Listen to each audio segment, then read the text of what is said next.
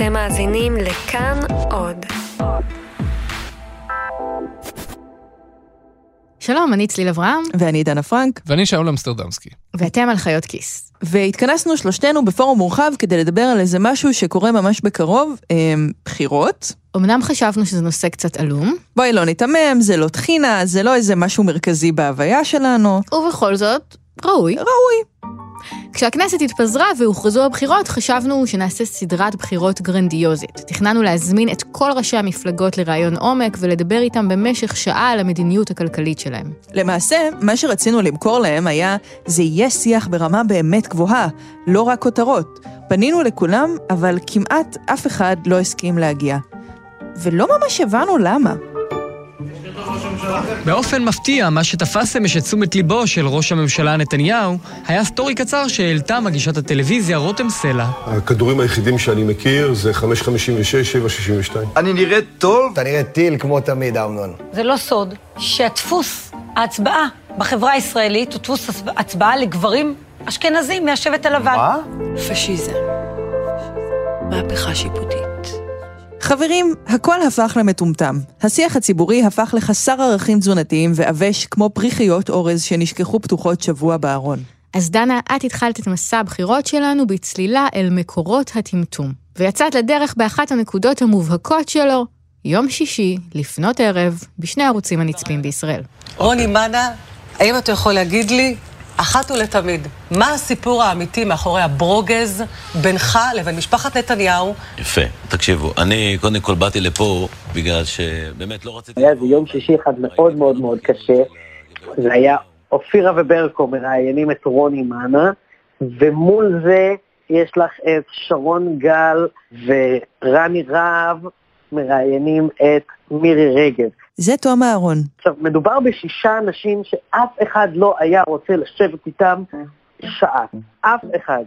אין דיאט, אנחנו כולם יושבים בבית ויושבים איתם שעה, ושומעים פשוט אותם אומרים את הדברים הכי מטומטמים שאפשר, בגלל שאם אני מסכים עם רוני מאנה, אני רואה את זה ושמח, אם אני שונא את רוני מאנה, אז אני רואה את זה וכועס, ואותו כנ"ל לגבי מירי רגב.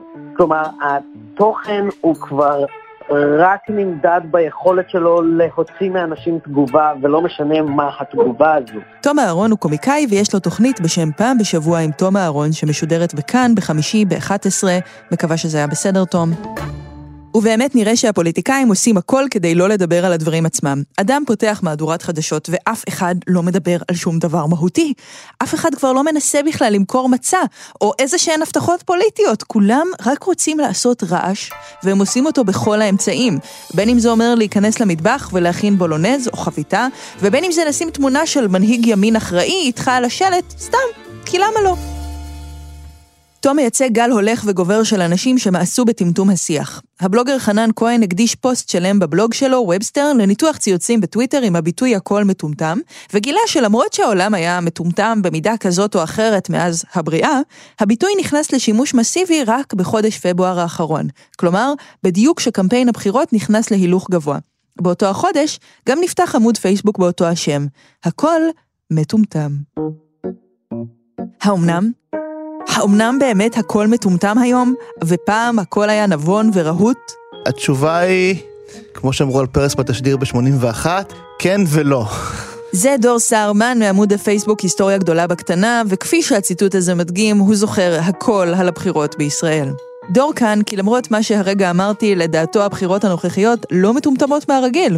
דור חושב שכולנו, בעיקר אני, לוקים בנוסטלגיה חשוכת מרפא. כדאי להיכנס לאתר הספרייה הלאומית גם, ותחפשו שם, יש שם אספת בחירות ותראו שם הרבה מאוד כרזות יפות מפעם, ואתם תראו ש, שכאילו זה לא כזה רמה גבוהה, זה הם די יורדים אחד על השני, הם קוראים אחד לשני בשמות גנאי. בן גוריון מוצג לא פעם כדיקטטור רשע ואכזר ופופוליסט ומצד שני כלומר גם מפא"י מפלגת השלטון מציגה את כל המפלגות האחרות כחבורה של כלומניקים טיפשים חסרי אחריות. עתידנו מאז הוקמה המדינה כעתידו של כל עם בן חורין. קחו למשל את הבחירות של 1965. דוד בן גוריון, אבי האומה, החליט ללכת לבחירות אחרי שהסתכסך עם כל צמרת המפלגה שלו, מפא"י. בן גוריון פורש ממפא"י ולוקח איתו את צעירי המפלגה. אנשים כמו שמעון פרס ומשה דיין. בן גוריון לוקח את החבר'ה האלה, והוא מקים מפלגה שנקראת רשימת פועלי ישראל, או בקיצור, רפי, שזה שם חמוד מאוד למפלגה. מאוד. אחד הדברים היפים, אם כבר אקטואליה, את יודעת מה אחת הסיסמאות של רפי? זה שהם לא ימין ולא שמאל. לא! כן, באמת? כן, דוד בן גוריון. וואו. הוא אומר, אנחנו לא ימין, אנחנו לא שמאל, אנחנו הדרך החדשה. יואו. אה, אבי אבות מפלגות המרכז בישראל הוא דוד בן גוריון. לעזאזל. כן, אפסה כל תקווה, אבדה כל תקווה. הבחירות ההן היו באופן כמעט בלעדי פרסונליות, כשכל הדיון הציבורי מתמקד בשאלה האם להצביע לראש הממשלה שמחזיק בכיסאו כבר שנים ארוכות, או להצביע להבטחה חדשה. לוי אשכול מול בן גוריון. מה כבר יכול להיות הפער ביניהם? כלומר, אשכול היה בין טיפוחיו של בן גוריון, הם עבדו ב... אין ספור ממשלות ביחד. בן גוריון ממש מינה אותו ליורש שלו, כלומר באמת שהפערים ביניהם לא יכולים להיות אה, פערים אידיאולוגיים עצומים. ברור שהפיצול הזה נעשה נטו על בסיס הריב בין השניים. בקיצור, בחירות 65 היו מטומטמות, אבל חכו, היו גם את בחירות 81. ואנחנו כמפלגת עבודה וכמערך שוללים הפיכת דיון מדיני רציני לתיאטרון מתמשך והולך מאז הקמת המדינה. כשלעצמה מערכת הבחירות של שנת 1981, בגין מול פרס, הייתה שפל נוראי בשיח הציבורי בישראל. זאת אחת ממערכות הבחירות האלימות ורוויות השנאה ביותר שהיו כאן. אבל מה? גם היה מטומטם. באמת, היום השמאל אוהב להתרפק על בגין, אבל הנאומים של בגין ב-81 אלה נאומים מלאי שנאה ותיעוב לשמאל, הוא היה נואם אדיר, אז הוא גם עושה דברים מדהימים עם הקול שלו, הוא עושה אספות עם ענקיות, אבל הוא עושה איזה נאום שבו הוא מראה איך, איך אה, השמאל סוחט את הלחיים של הבן אדם כדי להפוך אותם לאדומות, כי אדום זה הצבע של השמאל, oh, כאילו, וואו. הוא לועג לפרס, ופרס מהצד השני גם אומר על בגין דברים מאוד מאוד קשים, ויש עצרת שהוא מגיע בבית שמש ופעילי ליכוד צועקים עליו, ועושים לו תנועות מגונות, ואז פרס צועק עליהם בחזרה, פשיסטים, חומניסטים. זה עם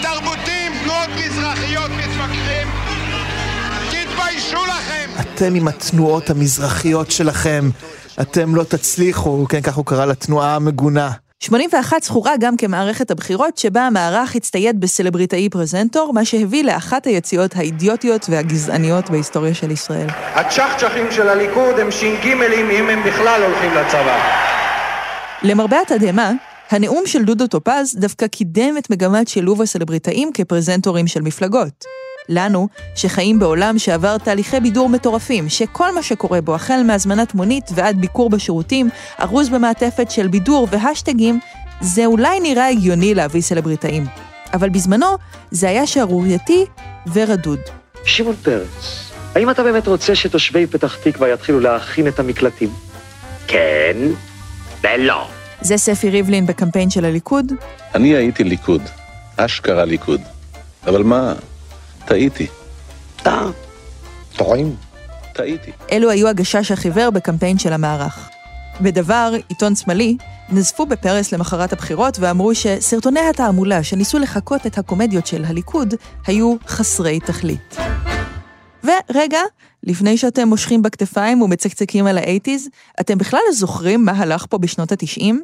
ולא, אני לא מדברת רק על שלטי רבין שיכור בבחירות 92, אני מדברת בעיקר על הקמת ערוץ 2.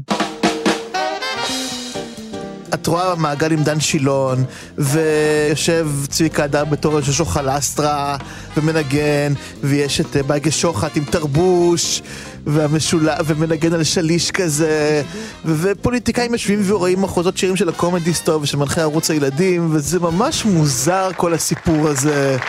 יש רגעים שאתם כפוליטיקאים... בקטע שאנחנו שומעים, דן שילון פונה לאויבים הפוליטיים, פרס ונתניהו, שיושבים די מחובקים, ושואל אותם אם הם לפעמים חושבים כמה פוליטיקה זה מצחיק.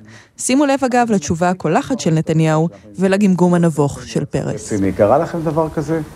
כל יום. מה כל יום? מתי זה לא קורה? גם לך, שמעון? תראה, האמת היא שלמרות שיש בינינו ויכוח, ויש ויכוח... נדבר עכשיו על צחוק. אה, כן, זה די מצחיק לפעמים. אגב, אני מודה שלא הצלחתי לצלוח את התוכנית במלואה. זה באמת מביך מנשוא. אבל בואו, גם באלף הנוכחי כבר היו כמה קמפיינים די מטומטמים. זוכרים למשל את שבעת המנדטים, או 172,333 בני האדם שהצביעו למפלגת הגמלאים בבחירות 2006? אנחנו חייבים לדאוג לעצמנו. 750 אלף גמלאים הם כוח. ביחד אנחנו יכולים לשנות את המצב.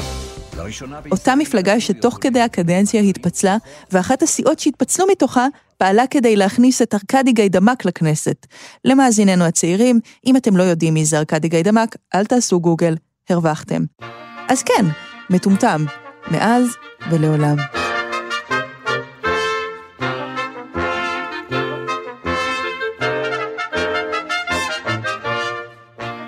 אדם בגילי, או אנשים בגילי, יש להם נטייה נוסטלגית. ויש לנו נטייה לייפות את העבר. להתעלם מהכיעור שהיה בעבר, ולומר פעם היו ימים יפים. זה ירון לונדון, הוא עיתונאי כבר 60 שנה. אני מזהיר את עצמי כל הזמן מה, מהנטייה הזאת, שאני, היא לא פוסחת גם עליי, אני מוכרח לומר. ואחרי שאמרתי את זה, התשובה היא כן, היום זה יותר מטומטם. ירון לונדון היה שם. הוא היה שם בכל התחנות שמנינו קודם, ולמרות מרחק השנים ותבלין הנוסטלגיה, הוא משוכנע. פעם היה אחרת. אני זוכר שמערכת הבחירות הראשונה שאותה, שהייתי פעיל בה, הייתי בן 19 וחייל, רבת, והייתי בוועדת הבחירות בבסיס שלי. מינו אותי לוועדת הבחירות, אלה היו הבחירות לכנסת הרביעית. זה היה כבוד גדול. זה רק עשר שנים, את יודעת, אחרי קום המדינה, ויש בחירות חופשיות, זה, זה היה משהו, עדיין זאת הייתה חוויה. כן, אני, אני זוכר שהייתי די נרגש. זה היה מעמד מעורר התרגשות בשביל איש צעיר כשהייתי. וזאת לא רק ההתרגשות שעברה לו בחלוף השנים. למרות שראיין כבר עשרות אלפי אנשים, בין היתר בתוכנית הטלוויזיה שירדה השנה מהאוויר, לונדון וקירשנבאום, ירון אומר שכבר כמה שנים שהוא לא מוכן לראיין פוליטיקאים בכלל. היום זה יותר מטומטם מפני שאתה צריך להתבטא בקיצור רב מאוד, אין לך זמן לפתח רעיון, ואנשים למדו איך לדבר באופן המשפיע ביותר. והאופן המשפיע ביותר זה פעילות על החלקים התחתונים של הגוף, לא, לא, על, ה, לא על האונאי הקדמית של המצח, אלא על, ה, על האשכים והקיבה. ופעם יכולת לפתח שיחה, יכולת לשמוע שביב של פקפוק, איזה היסוס קל לפני שאנשים נתנו לך תשובה, או נכונות לחשוב איתך ביחד. האומנם אני צודק? או המילה נדמה לי, אני חושב שאני סבור שכמדומני, אם אינני טועה, אפשר לומר גם אחרת, אף על פי שאני חושב שלמרות זאת, אבל יש טעם גם בדבריהם של אחרים, גם אותם צריך... סוג כזה של שיחה לא קיים יותר. לא קיים יותר. הפוליטיקאים למדו איך לדבר לצורך השפעה מיטבית. הם רוצים להיות אפקטיביים. זה כל מה שמעניין אותם.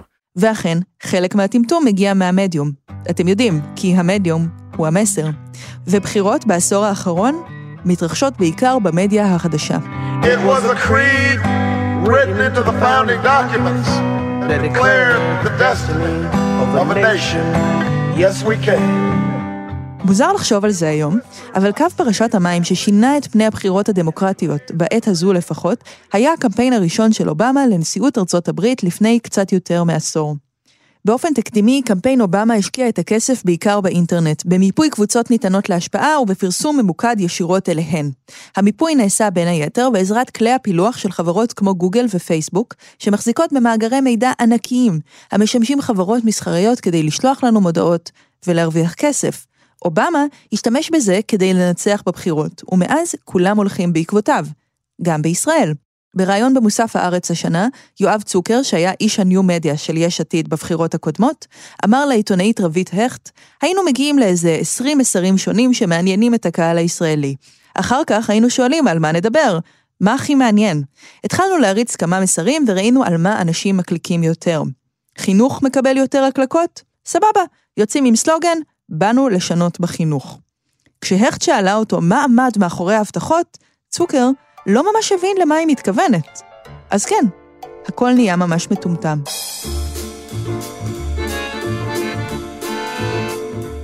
פוליטיקאים כל הזמן כותבים בפייסבוק ומצייצים, וזה ישר, ואז אתה רואה איזה ציוץ מטומטם של פוליטיקאי, אז אתה מרטווט אותו, ואתה אה, אומר איזה וואי, איזה אידיוט הוא יצא, ואז מרטווטים את הריטווט, ואז יש כבר בדיחות, וזה וזה, ואז בסוף, מה יפה? מה אומרים בחדשות בסוף היום? הנה הציוצים הכי טובים שנעשו על נושא מסוים. יש אשכרה בערוץ הכנסת תוכנית שסוקרת ציוצים. כלומר, זה כבר הופך לחדשות, הבדיחות והדברים שעשינו על מה שפוליטיקאי אמר, וזה מקדם טמטום. ואגב, זה לא נושא הפרק, אבל הטמטום הוא ממש לא רק תופעה ישראלית. בבחירות האחרונות בצרפת, כ-20% מהבוחרים שמו פתק לבן בקלפי, נתון חריג שמציג מיאוס עמוק מהפוליטיקאים ומהפוליטיקה בכללותה.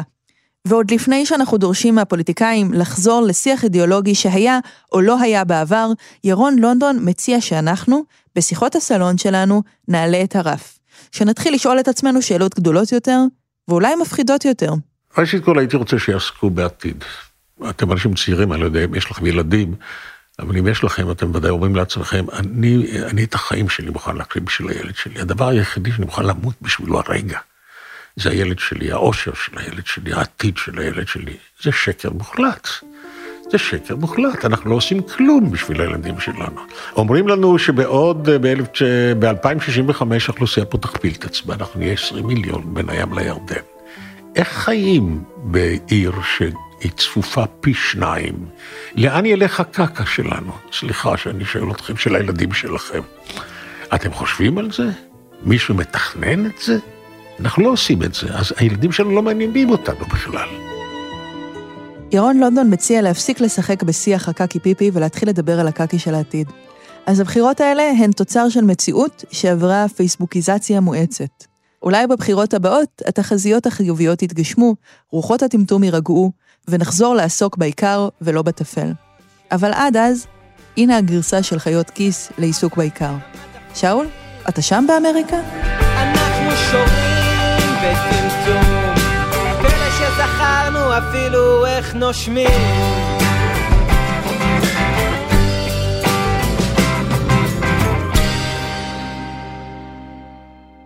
בשביל להתעסק בעיקר ולא בטפל, החלטנו לנסות להבין ולנתח את תפיסות העולם הכלכליות של שתי המפלגות שטוענות לכתר. שתי המפלגות שרוצות להרכיב את הממשלה הבאה ולעצב את סדרי העדיפויות של חיינו.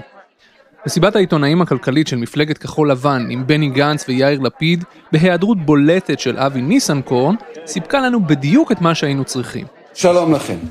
יוקר המחיה בישראל הוא מכת מדינה. יקר פה. מעבר לזה שכל נאום של לפיד נשמע כאילו ברגע זה הוא כותב עוד טור לעיתון, מסיבת העיתונאים הכלכלית של כחול לבן הבטיחה כל מה שבן אדם יכול לרצות.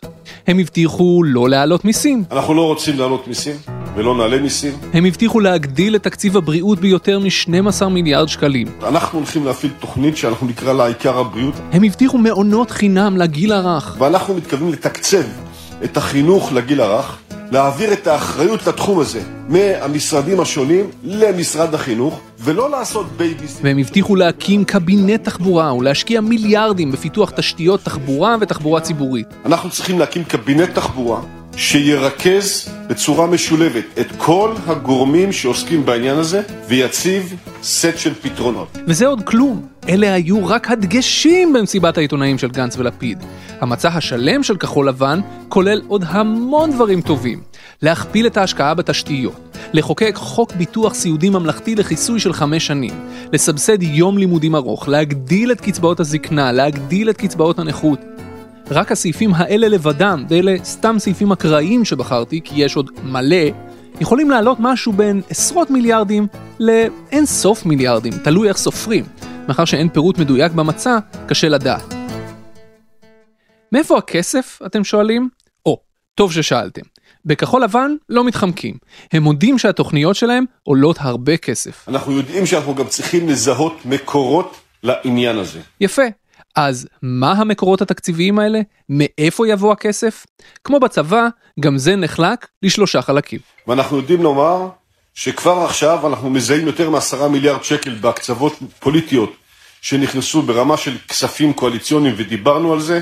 אנחנו מזהים את רווחי הגז, וכמובן המלחמה בשחיתות, שגם שם לצערנו אנחנו רואים שהרבה מאוד כספים ברמה של מיליארדים, ואנחנו צריכים להסיט אותם לתוך הפעילות אה, שלנו. מיד נפרק את זה, אבל רגע לפני זה, איך אפשר בלי שורת המחץ, בלי הדבר החשוב ביותר? והכי חשוב זה להגדיל את העוגה, להגדיל את הפריון, להגדיל את היכולת שלנו לקבל יותר ויותר אה, משאבים. כל אחוז נו, לפחות הם היו הוגנים מההתחלה. אם ציפיתם להכרזות גדולות מדי היום, לא. אנחנו נביא לכם כמה כיוונים מרכזיים שעליהם אנחנו מבקשים להתמקד. אנחנו לא מחויבים... אוקיי, okay, הגיע הזמן לפרק את כל זה. אפילו אם אתם מסכימים לניתוח הכלכלי הבסיסי של כחול לבן, על מה הבעיות הכלכליות הבוערות של ישראל, אפילו אם אתם מסכימים לתוכניות שהם מציעים, בואו נתמקד רגע במקומות שמהם הם מציעים להביא את הכסף. כי לא משנה איזה תוכניות הם ישימו על השולחן באמצעות צוות 100 המומחים שלהם שגנץ הזכיר, אם המקורות שלהם להביא את הכסף הזה אינם ריאליים, או שהחישובים שלהם מופרזים, אז כל התוכניות האלה לא שוות הרבה, הן הופכות להיות רק סיסמאות ריקות. אז הנה זה, שוב, לאט יותר. מקור ראשון, 10 מיליארד שקל בכספים קואליציוניים. יותר מעשרה מיליארד שקל שולחים היום לכספים פוליטיים, למפלגות, לפוליטיקאים, כסף שצריך ללכת לאזרחי ישראל.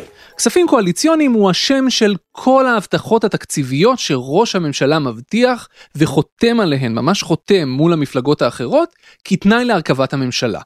זה לא כסף חוץ תקציבי, זה לא כסף מהירח, זה לא כסף ששייך באיזושהי צורה למי שמנסה להרכיב את הממשלה. זה אותו כסף כמו כל כסף אחר, זה כסף שהגיע לקופת המדינה מהמיסים שכולנו שילמנו, והממשלה צריכה להחליט מה לעשות איתו במסגרת תקציב המדינה. הממשלה הנוכחית, שהוקמה אחרי בחירות 2015, הוקמה על בסיס הסכמים קואליציוניים מאוד יקרים, 6-9 מיליארד שקלים, תלוי איך סופרים. או במילים אחרות, בשביל להרכיב את הממשלה ההיא, נתניהו התחייב להקצות לשותפות שלו, יהדות התורה, ש"ס, הבית היהודי וישראל ביתנו, תקציבים בהיקף של 6-9 מיליארד שקלים מתקציב המדינה, למטרות שהמפלגות האלה קבעו. מאיפה הכסף הזה הגיע? כמו תמיד, מסעיפים תקציביים אחרים. זאת אומרת, הורידו קצת מפה, קיצצו קצת משם, והעבירו למטרות הפוליטיות. במסיבת העיתונאים גנץ הודה שהוא לא יכול לבטל לחלוטין את הכספים הקואליציוניים. הוא הודה שבשביל להרכיב ממשלה הוא יהיה חייב לחלק כסף, כי הוא מבין שאף אחד לא ייכנס לממשלה בראשותו בחינם, בזמן שהמועמד השני, נתניהו, יבטיח הררים של כסף. הוא פשוט אמר שהוא יחלק את הכסף הזה במשורה, ושבכל מקרה הוא יוקדש למטרות של צמיחה, שגם ככה היה הולך אליהן, ולא סתם לכל מיני מטרות פוליטיות. Hmm. שני דברים בסיפור הזה לא כל כך מסתדרים לי. קודם כל, אם תמונת המנדטים הסופית באמת תשלח את גנץ ולפיד לתחרות צמודה מאוד מול נתניהו על התמיכה של המפלגות הקטנות יותר, המפלגות החרדיות, כחלון, העבודה או כל מי שיהיה מועמד לשבת בממשלה. זה רק יגדיל את הסכום של הכספים הקואליציוניים, לא? זה לא א' ב' של כל תחרות? למה שהחרדים למשל ילכו דווקא עם המועמד שמבטיח להם פחות?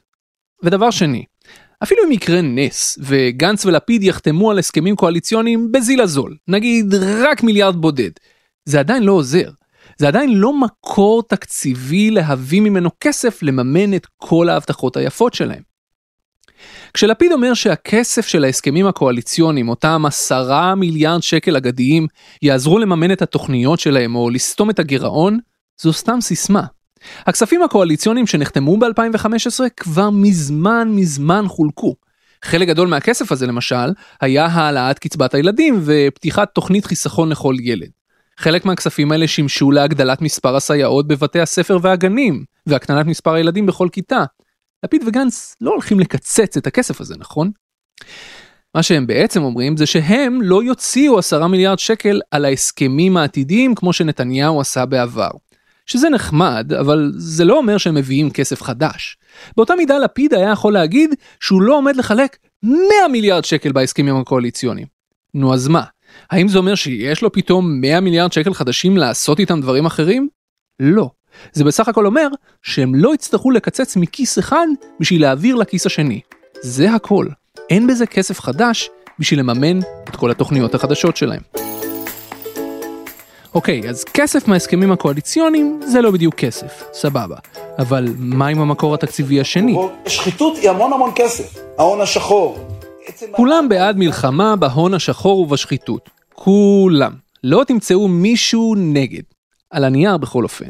כי כשתוכניות קודמות מהסוג הזה הגיעו לכנסת, אז פתאום התברר שדווקא יש אנשים נגדן, והן נתקעו. הן נתקעו למשל כי אביגדור ליברמן התנגד לחלקים מהן, או כי החרדים התנגדו לחלקים אחרים מהן. חלק מהדברים אושרו, חלק מוסמסו, חלק מתו.